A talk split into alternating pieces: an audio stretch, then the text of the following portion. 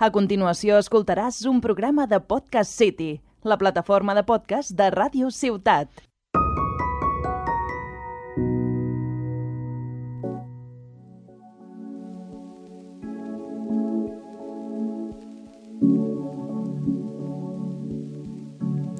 Hola a todos y bienvenidos al programa de No nos cuentes tu vida. En este caso va a ser el tercer programa ya de la serie y en el cual, eh, obviamente, ya le cago. Bueno, en fin, da igual. que no se me dan estas cosas. Bueno, en fin. Eh, que obviamente es el programa en el cual podéis decir, entre otras cosas, que visteis cómo el Álvaro la cagó cuando tuvo que presentar por primera vez porque se puso nervioso y se cagó. Que bueno, en verdad, viene bien porque hoy, como tratamos de la ansiedad social, esto es un buen claro ejemplo. Pero bueno, como no, siem- como siempre, más bien dicho, me acompañan, como cada día, mis grandes compañeros, Arnesto Itat Hola, buenas. y Gisela Dulcer. Oli. Así que bueno, pues ya abierto el el hielo, como lo he abierto tan de bien, pues no sé, explícame vosotros qué es para vosotros la ansiedad social, qué creéis que es. Mira, si me permitís empezar y voy a decir que Álvaro ahora mismo tiene un claro ejemplo de qué es eh, ansiedad social frente de nosotros. em, porque además estamos solo tres personas y somos tres personas que nos vemos cada día y se ha puesto Sí, nervioso sí. por una por una introducción. Pero bueno, para mí la ansiedad social es em, ese miedo, yo diría, a hacer algo ridículo en público. Por ejemplo, me agobiaría mucho caerme de boca en medio de, no sé, la biblioteca de la universidad, cosas así. No sé qué opinas tú, Gisela. Eso me ha pasado. Sí. De hecho, también es muy buen ejemplo, Álvaro. Yo, mira, haré un disclaimer de que nosotros no somos expertos de nada, porque Ujú. la ansiedad al final es una cosa, un tema psicológico que tampoco podemos irnos autodiagnosticando, pero, pero cierto es que todos sentimos un poco de ansiedad a veces, o de al menos esa timidez y, y como miedo a afrontar situaciones delante del resto de personas, y, y que es muy normal y no pasa nada, y, y- y bueno, entiendo que, que para mucha gente es difícil, yo no sé vosotros, pero por suerte he sufrido de, de poca ansia social o no, no, me, te- no me he encontrado en situaciones tampoco de, de morirme ahí de, de angustia, solo a lo mejor en exposiciones, que como hoy he hecho una y se me ha liado. Pero no, no sé vosotros si sois muy de tener eh, este tipo de ansiedad o nerviosismo, timidez. Bueno, yo soy un tipo bastante tranquilo en, en- en todos los ámbitos de la vida. Es decir, no soy una persona que se suele poner nerviosa. Es cierto que cuando me pongo nervioso, me pongo nervioso de verdad. Entonces, más que ansiedad social, lo, lo que puedo decir, al menos de mi, de mi personalidad, es que en- tengo momentos de timidez en los que me pongo nervioso, me cuesta eh, vocalizar, cosas así. Me ha pasado la típica de llamar a la pizzería, que esta es la clásica, clásica de, eh, oye, perdona, eh, me gustaría pedir una pizza, me gustaría que me la deshuesases, ¿no? O sea, eh, no sé, de decir cosas muy random, de cagarla de formas i- i- inolvidables, como yo que sé, estar en clase de gimnasia, caerme de boca delante de toda la clase, cosas así que de repente dices, tierra trágame, ¿no? Y, y con caídas, no sé, Álvaro, ¿tú De tienes alguna anécdota de...? Porque Álvaro tiene unas cuantas, Hostias, ¿eh? yo es que a ver, eh, ansiedad social como tal, yo creo que es más bien de cara a un público grande. O sea, rollo, ahora no ha sido ansiedad social, sino ha sido momento de que me, que me temblan las piernas, sí, de nervios. Lo que pasa es que a mí siempre me tiemblan las piernas. No, tampoco es un buen ejemplo en mi caso, pero bueno, a ver. Total. Eh, yo, ansiedad social tengo, como bien ha dicho mi compañera Gisela, en las exposiciones es una cosa de locos. Ahora ya menos. Vale. Pero te lo juro que en la ESO tenía exposiciones que eso era un consolador humano, ¿eh? O sea, los, compañeros, los Vale. compañeros me llegaron a decir eso, que era un consolador humano delante de la clase, porque era así un tembleque de la hostia. O sea, Parecías un flan. Sí, sí. Ostras. Pero rígido, o sea, era una cosa rarísima, ya te digo. Y es que estoy viendo una cosa y es una tendencia un poco extraña con, con las redes sociales y la hora de, de afrontar situaciones. Es como que lo de la generación de cristal, que siempre se decía, "Ah, la siguiente generación es literalmente la generación de cristal porque no soportan nada, ningún tipo de presión y este tipo de cosas. Y ahora que igual ya me he hecho un poco más viejo, eh, me doy cuenta de, Bueno. que, de que sí es verdad que los, los chavales y, no sé, la, la gente que viene, digamos, de generaciones de 2007, 2008, 2009, al haber crecido siempre con ese teléfono móvil a mano, tal, con la constante exposición, digamos, frente a las redes sociales, me doy cuenta de que igual sí que parece como más común ese miedo a ser juzgado, que siempre ha existido, ¿eh? Pero al, no sé, son niños que constantemente son juzgados a las- en las redes sociales porque subes una foto, te juzgan, ¿no? Ni que sea con likes, no hace falta decir nada, pero eres juzgado. Yo, yo creo que, y por ejemplo, antes explicaba, nosotros no, no somos psicólogos, no sabemos de nada, pero yo, por ejemplo, que ahora, por ejemplo, estoy consumiendo más podcasts o, bueno, de toda la vida en YouTube, que estamos constantemente eh, mirando nuestras generaciones anteriores, los millennials que siempre nos están explicando cosas que yo creo que somos mucho más conscientes gracias a ellos y haber estado de cerca con eh, las redes sociales, eh, con sus conocimientos, porque al final ellos nos- no tenían tampoco este como apoyo de gente más mayor, así tan cercana. Eh, al final está en la televisión y revistas y poco más. Y nosotros como que hemos podido conocer mucho más y somos mucho más conscientes de un montón de cosas y eso también nos ha provocado, como bien dices, toda esta presión. Luego, em, por ejemplo, que luego al- nos ocurre a todos y, y está bien, no pasa nada, pero como esto que decíamos de las exposiciones, em, estás exponiendo, el resto de personas están pensando en la exposición que viene después, que ellos tienen que decir lo que pasará y de ti realmente les importa muy poco, pero tú sientes la presión de que te juzguen. Y ahora con la cultura de la cancelación, que antes hablaba yo con Arnau, em, ¿qué está pasando aquí? Claro, es que al final dices una cosa y, y luego te puedes, te puedes arrepentir de lo que has dicho, pero ya te han cancelado por todos lados y te han criticado. ¿Y, y cómo asumes tú todo, todo ese peso? Bueno, pero eso yo creo que viene también en parte a que como ahora cada vez hay más libertad y más libertad de expresión y tal, y cada cual encima la gente tiene muchos más medios de difusión, pues hay mucha más censura en ese sentido porque tampoco se sabe muy, muy, muy bien hasta dónde puede llegar un mensaje. Entonces, claro, uno puede estar diciendo una cosa en el móvil, una conversación privada, como han salido ahora los audios del piqué, que dices, pues eso es un audio de WhatsApp, ¿qué iba a importar? Y luego de repente, al cabo de tres años que has pasado, ¡pum! Trending topic, todo el mundo criticándole, censurándole, de no sé qué, no sé cuánto. Es que ya es un momento que dices, no sabemos dónde puede llegar lo que decimos ni a quién puede llegar. Entonces, igual que yo creo, igualmente, que ahora las generaciones nuevas, nosotros ya a lo mejor incluso raspamos un poco, pero ya los más jóvenes, que ya sí que han crecido con los móviles desde pequeños, los smartphones y tal, yo creo que están más insensibilizados al tema de quedar expuestos o eso, porque ya lo tienen tan asimilado, tan natural. el ¿Tú crees? tener siempre- Yo yo no creo que creo. sí. Yo creo que igual eh, va más de extremos, ¿no? O sea, igual nosotros que hemos tenido mm, media infancia con tecnología, Claro. teléfonos móviles, redes sociales, y la otra mitad, digamos, o sea, infancia sin, sin redes sociales, juventud parque, la de con... bajar ahí. Claro, em, juventud con redes sociales, igual tenemos un poquito... mm, Como que sabemos qué, qué situación, ¿no? Sabemos cómo gestionar diferentes tipos de situaciones, porque, es- o sea, pre-móvil y post-móvil. O sea, cuando no existen las redes sociales también sabemos gestionar ese tipo de situaciones en las que, por ejemplo, llegas a un grupo de gente y tienes que interactuar con ellos. Que parece una... Igual, para mí es una gilipollez, ¿no? Eh, Yo que sé, llegas a una fiesta, conoces solo a tu amigo y de repente mm, te encuentras que en la casa hay siete personas que no conoces, ¿no? Que tuvimos una experiencia de estas hace poco, ¿no? Que celebramos el cumpleaños de Gisela. Felicidades desde aquí. Felicidades. Y al Arnau, felicidades también a También Arnau. me felicito yo mismo. que, pero- bueno, ahora no sé cuándo. Entonces, eh, fuimos a la masía que de, de- de Gisela y nos contó que, bueno, ella trajo a sus amigos de la infancia, del colegio y demás, y vinimos los amigos de la universidad también. Entonces, se produjo esa situación extraña en la que algunos amigos de Gisela, al ser minoría, decían, ostras, es que van a venir, no sé, como 8 o 9 personas que no conozco, que sí que por probabilidad, si le caen bien a Gisela, me Claro. podrían caer bien a mí, pero eso nunca se sabe, ¿no? Pero Entonces, además esto ocurre de que a veces tu personalidad cambia con depende de con quién estés.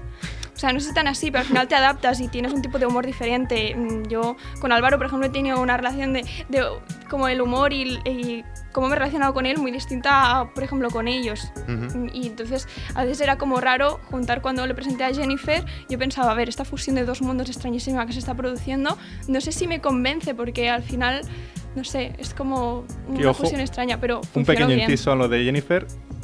Volviendo al tema inicial del, del podcast anterior, he conseguido bajar otro kilo más, que para el podcast ese serían cuatro o cinco incluso. Ahí se Y ahora bastante. estoy en 98,6. O sea, seguimos bajando ya al límite donde me dijo la Jenny. Y ya dije yo que quiero seguir bajando, pero oye, la, la dieta de la Jenny funciona. Estamos llegando a la meta que queríamos, Estamos llegando, ¿no? estamos llegando. Oye, y súper interesante y además quería, eh, nada, mandar un mensaje sobre el, el último programa con Jennifer, que yo creo que a nosotros nos gustó mucho hacerlo y además es como que las, las percepciones que hemos recibido desde fuera, a la gente que ha escuchado el podcast y demás, le han Las gustado. cinco unidades de personas que lo a han las, escuchado. a las cinco unidades de personas, entre las cuales nos incluimos nosotros tres, les ha gustado el último podcast y yo creo Sí, que es una cosa que a a menos a nosotros nos gustó al grabarlo y demás, así que... Intentaremos seguir mejorando Exacto. y, y preparándonos los programas Un poco más, sí. un poco más. Mm, Volviendo al tema de la ansiedad social, que no quiero que se, nos desvíe mucho. em, Gisela y yo ayer hablamos con una compañera de clase. Porque que- lo hacéis todos a mis espaldas. Exacto, hacemos Sí. cosas a espaldas de Álvaro, entonces le traemos sorpresas a los programas. Em, hablamos con una compañera de clase porque estábamos pensando, ostras, mm, queremos ejemplos de cosas que nos darían como ans- esa ansiedad social, ¿no? Tal, porque no sabíamos muy bien cómo... mm, Bueno, qué ejemplos poner y demás, ¿no? y Bueno, poníamos ejemplos muy básicos como el que he puesto antes, el de la pizza. He visto una lista. He visto la lista, os habéis fumado, o sea, yo os No, lo no, voy a decir. Nosotros no hemos dicho nada de ello. No, no, no, la lista que he visto es infumable. como Aportamos- digáis aportamos todos y cada uno de los puntos, va a volver a No. pasar otra vez como la, la entrevista infame de las Sí. preguntas de la Gisela, que nos vamos a estar 20 minutos solo con las preguntitas. No, pero escúchame, datos curiosos de, de cosas que tenemos apuntadas a la lista y lo hablamos hace cinco minutos. Em, existe gente que, por ejemplo, le da como ansiedad, le da timidez abrir un paraguas el día de un día de lluvia.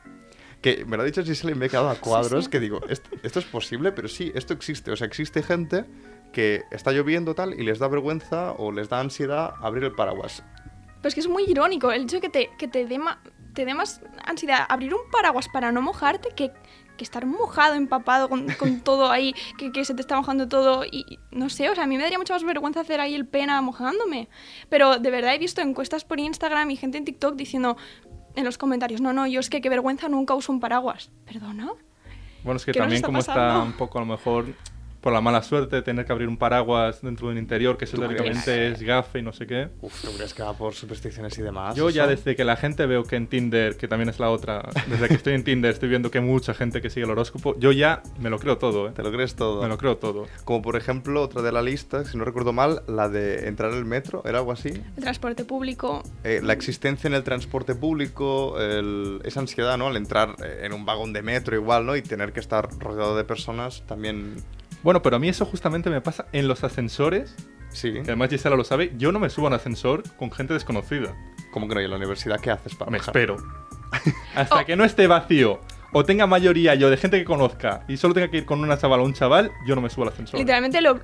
Literalmente le, le obligamos el resto. O sea, si, si va conmigo, por ejemplo, pues es como, venga, Álvaro, no me No, jodas, no, subimos y ya está. parado. Pero él solo, él solo no, sube ni de con otra coña. persona. No, no. Lo- yo Ya lo puede ser confirmo. una persona o puede ser dos rubias, que entonces si son dos rubias sí. Pero si Entonces no, nos subimos. todo eso sube. Pero si no, de normal no subo, ¿eh? Vale, o sea, ahora mismo, si los tres del programa nos subimos en un ascensor, tú no subías porque solo hay una rubia ahora mismo. Perro, pero a ti te conozco, estoy diciendo Ah, gente bueno, desconocida. A ti, bueno, al Biel, va. Ya allí se Pero bueno, con, con el COVID todo se complica porque es verdad que incluso da más cosas si estás en un ascensor con una persona desconocida ahora o el transporte público o lo que pasa de que te pones a toser de repente y es que dices todo el mundo me está mirando porque se van a pensar que tengo eh, mm, COVID. Que dices que a lo mejor podría tener otra enfermedad mil veces peor. Mm, da igual, tú tienes COVID y ahí está el problema. O las mascarillas ahora, que también decíamos lo de los jóvenes que mm, tienen más, son más vulnerables a veces y tienen más vergüenzas. em, eh, la mascarilla ahora que se está en- intentando quitar y yo leo un montón de comentarios de es que yo no me la pienso quitar, qué vergüenza que vean mi cara. Sí, sí, bueno, es que claro, la gente ya se ha acostumbrado desde hace dos años a llevar la cara tapado y claro, van a decir, hostia, si soy feo. ¿Quién coño va a querer ver mi cara, sabes? O sea, yo me lo he planteado. Ya digo, bueno, ya me la suda porque además de feo soy cojo, entonces me voy a caer en el charco y encima no van a entender cuando me caiga porque tengo la mascarilla que van a decir, ¿qué está diciendo el chaval? Ese encima está loco. Entonces ya, pues, tuve que decidirme entre quitarme la mascarilla o sobrevivir. Ostras. Yo tengo una anécdota de eso que contaba Gisela de, de lo de la tos y tal. Si quieres os la cuento. Era de, de, de, bueno, de este verano que fui a, fui a hacerme un tatuaje en un estudio y demás. Y era una sesión un poco larga, ¿vale? Y eran unos días que yo em, no tenía COVID y tal porque había ido recientemente a un, a un escapado y demás. Y me tuve que hacer un, un test.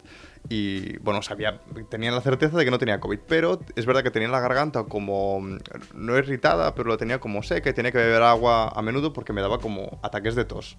¿Vale? Sin más, que puede ser, bueno, al principio COVID no era, pero podía ser cualquier otra cosa, claro.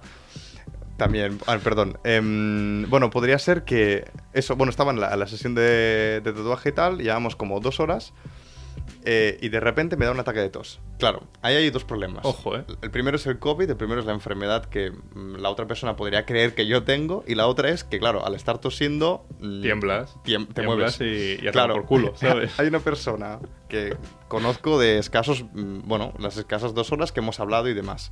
Yo estaba en una situación de limbo, me estaba sobando y de repente me da un ataque de tos. Esa mujer no sabía dónde ponerse porque dice, ¿qué hago? Le pincho la aguja, le traigo un vaso de agua. ¿Quién me han traído aquí, sabes? Eh, Este tío reservado ahora y me viene enfermo. A mí raritos no, ¿eh? Otro rarito que me ha entrado en una consulta. Es que me cago en sudar, tío. O sea, lo que no había sudado en toda la sesión de tatuajes, que ya te digo que, o sea, fue nada, las primeras dos horas bien tal, de hecho me entró hasta sueño. Y, y ya te digo, de repente empieza la tos, el sudor frío de pensar, la otra persona me está aquí, está flipando ahora mismo, está diciendo, ¿qué hago?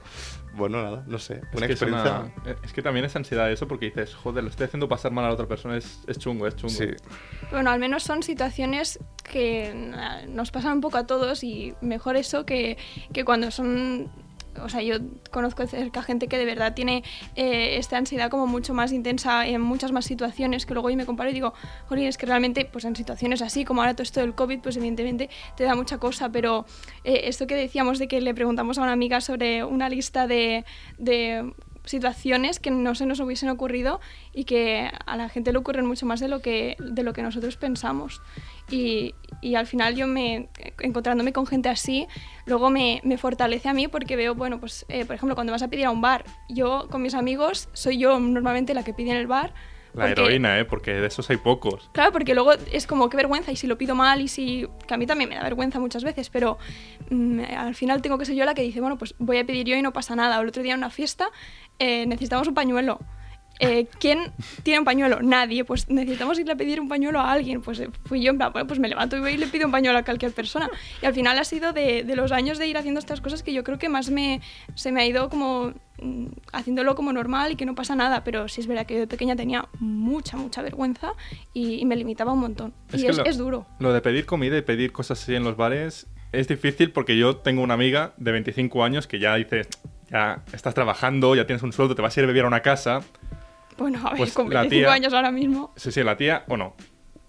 Es ingeniera, entonces maneja bien. La- entonces la tía vamos allí de vacaciones, que nos fuimos el año pasado, y vamos a, a pedir gofres porque le gustaban a ella. No sé qué coño dijo, porque de verdad no sé cómo lo dijo, pero las cuatro personas que estábamos ahí mirando y la, y la dependiente entendimos que había pedido 25 gofres para cuatro personas. Claro, la mujer diciendo, yo tengo aquí un chiringuito de playa de dos por dos. No sé dónde coño voy a sacar 25 gofres. Es que me imagino Así que es- situación en es plan, difícil, ¿qué es difícil. haciendo?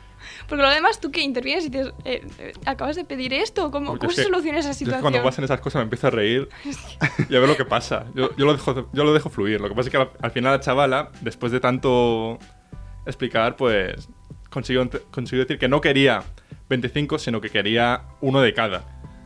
vale. Una luna de cada tipo. Sí, ¿Cu- sí. ¿Cuántos tipos había? Pues habrían 12 o sí, 11 o ¿Cómo? 12. Pero no erais cuatro. Claro, pero quería 24, entonces en- no sé cómo lo dijo. Ay, madre mía. Y le dijo, quiero tal, tal, tal, tal, tal. Y esto para nosotros cuatro.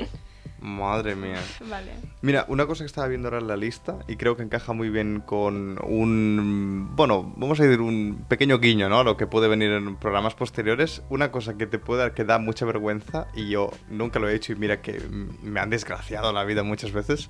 em, quejarte a tu peluquero. o sea, el momento. Ah, Estás- por, e- por eso estabas haciendo gestitos. Sí, Ah. te, co- te cortas el pelo. Tal. te vas a cortar el pelo. Em, vale, el peluquero te dice, oye, tal, te mola no sé qué. Claro que le dices. si no te gusta, ¿qué haces? En- Claro, en ese No, pero- momento. Sonrisa falsa Pero y sonrisa falsa. ya, te, adelante. ya te digo yo que justamente no puedes criticar a nuestro peluquero, que a mí ese hombre me ha cortado el pelo medio dormido en pijama, con la bata. Es decir, sea- que sí, Álvaro y yo, mm, bueno, conocemos a alguien que corta el Sí, pelo sí. bastante bien, pero Y- a mí bueno, me ha y- pasado y, de. Gisela también lo conoce. Bueno, Gisela también lo No- conoce, no lo conoce de Pero, primera pero no mano, de primera mano, ahí, ahí. Pero... Claro. Porque de momento, es un, de momento hace solo cortes masculinos, el Ujú. chaval. Pero bueno, ese es un tema que podemos hablar más adelante, Sí. yo creo. Pero esa situación de, tú imagínate, claro, es que además, ahora que está de moda el, el ir al peluquero, bueno, es más barbero, ¿no?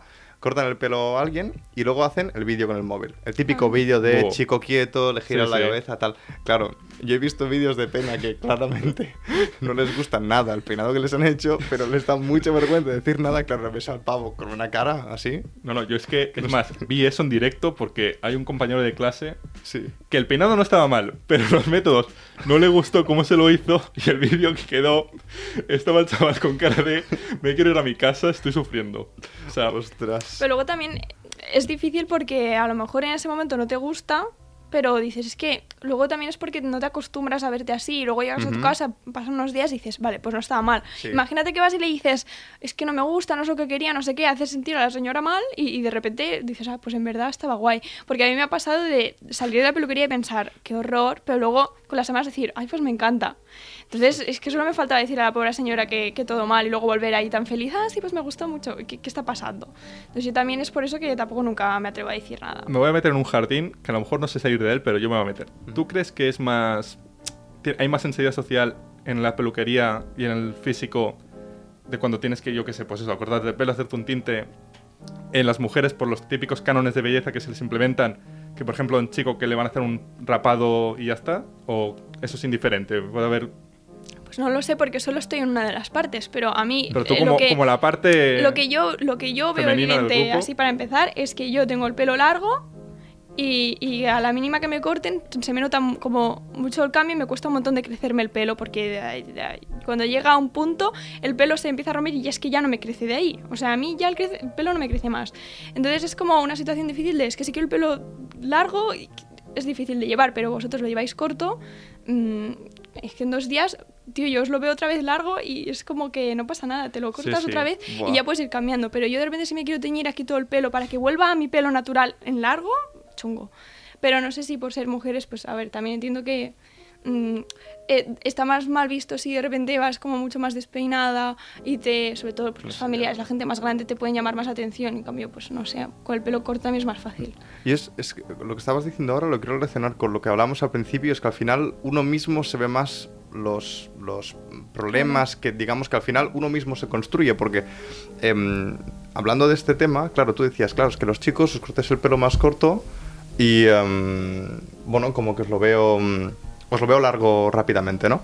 Entonces, claro, punto de vista, al menos mío, ¿eh? que llevo el pelo, bueno, ahora lo llevo un poco más largo, pero corto por lo general.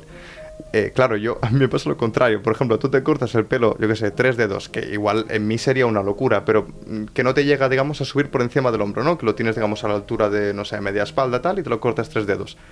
La diferencia me costaría verla, por así decirlo, porque igual no me fijo en la largada, sino en la forma que hace el pelo, digamos, en tu cabeza. Pero claro, Álvaro se corta el pelo, se hace el- la, cre- la cresta, no sé qué, se hace el degradado con el pincho para atrás, me doy cuenta enseguida porque le estoy viendo el cráneo. Entonces, me cambia hasta la forma de la cabeza. Entonces, en ese sentido, También te digo que justamente el ejemplo que has cogido es un poco cantoso porque yo nunca me había hecho estas cosas y de repente llegué a nuestro peluquero de confianza de ahora mismo Y y, me dijo, flow. y dije, haz lo que te dé la puta gana con mi y cabeza. me llevabas. Pero escúchame, o sea, luego también hay que hablar de la ansiedad social que crean los amigos cuando presionan, ¿eh? Bueno, Porque me ha venido a la cabeza de ese día que me corté yo el pelo, sí. qué pesado, qué pesado el Arnau diciéndome que me hacía la ceja, la raya de la ceja. ¡Ay, qué pesadilla! ¿eh? Es verdad, es verdad. Eso también es mucha presión. ¿Cómo le dices que no tantas veces a un pesado?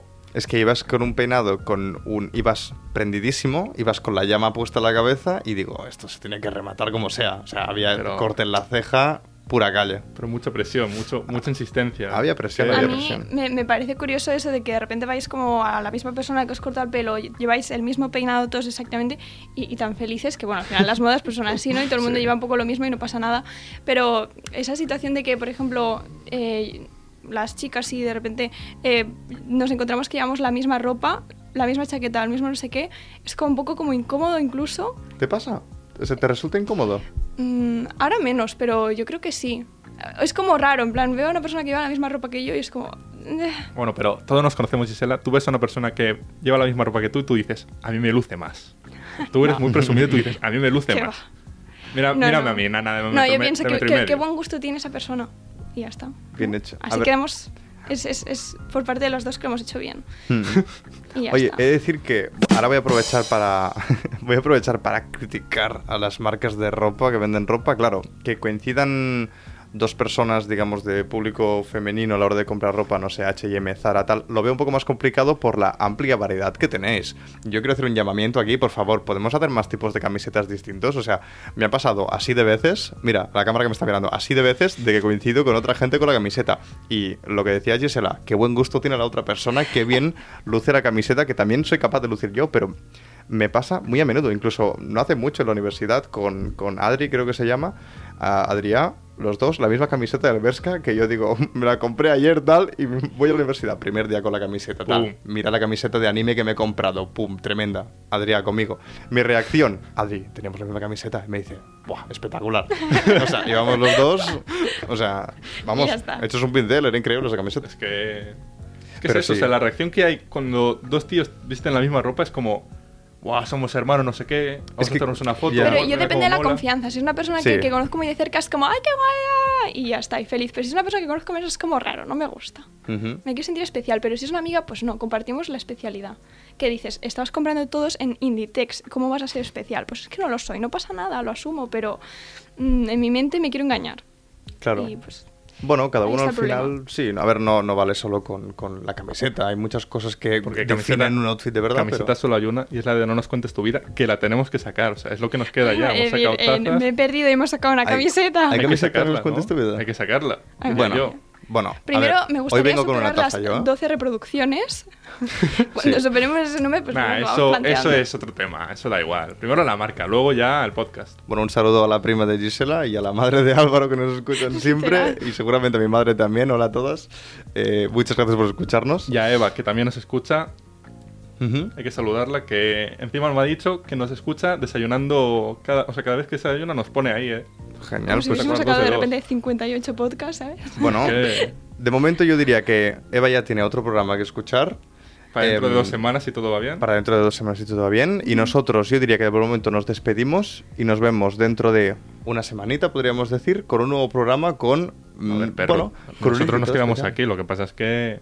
Pero eso no lo digas. Eso es secreto. Pero a ver, pero si es que el programa va a sonar dentro de dos semanas, da igual. Bueno, no sabemos cuándo saldrá. Aquí nos están haciendo un lío. De repente un día es dos semanas, de repente es una semana. Nosotros vamos avisando y, y ya Exacto. está. Seguidnos en nuestras redes sociales, arroba no nos cuentes tu vida barra baja y ahí podréis ver toda la información y saber cuándo vamos a subir el próximo podcast. Y por favor, si lo escucháis, comentadnos algo, decidnos cosas bonitas que nos hacéis mucho- muy, muy, muy felices. Exacto. Y nada más por aquí, dejamos el programa de hoy y nos vemos la próxima semana.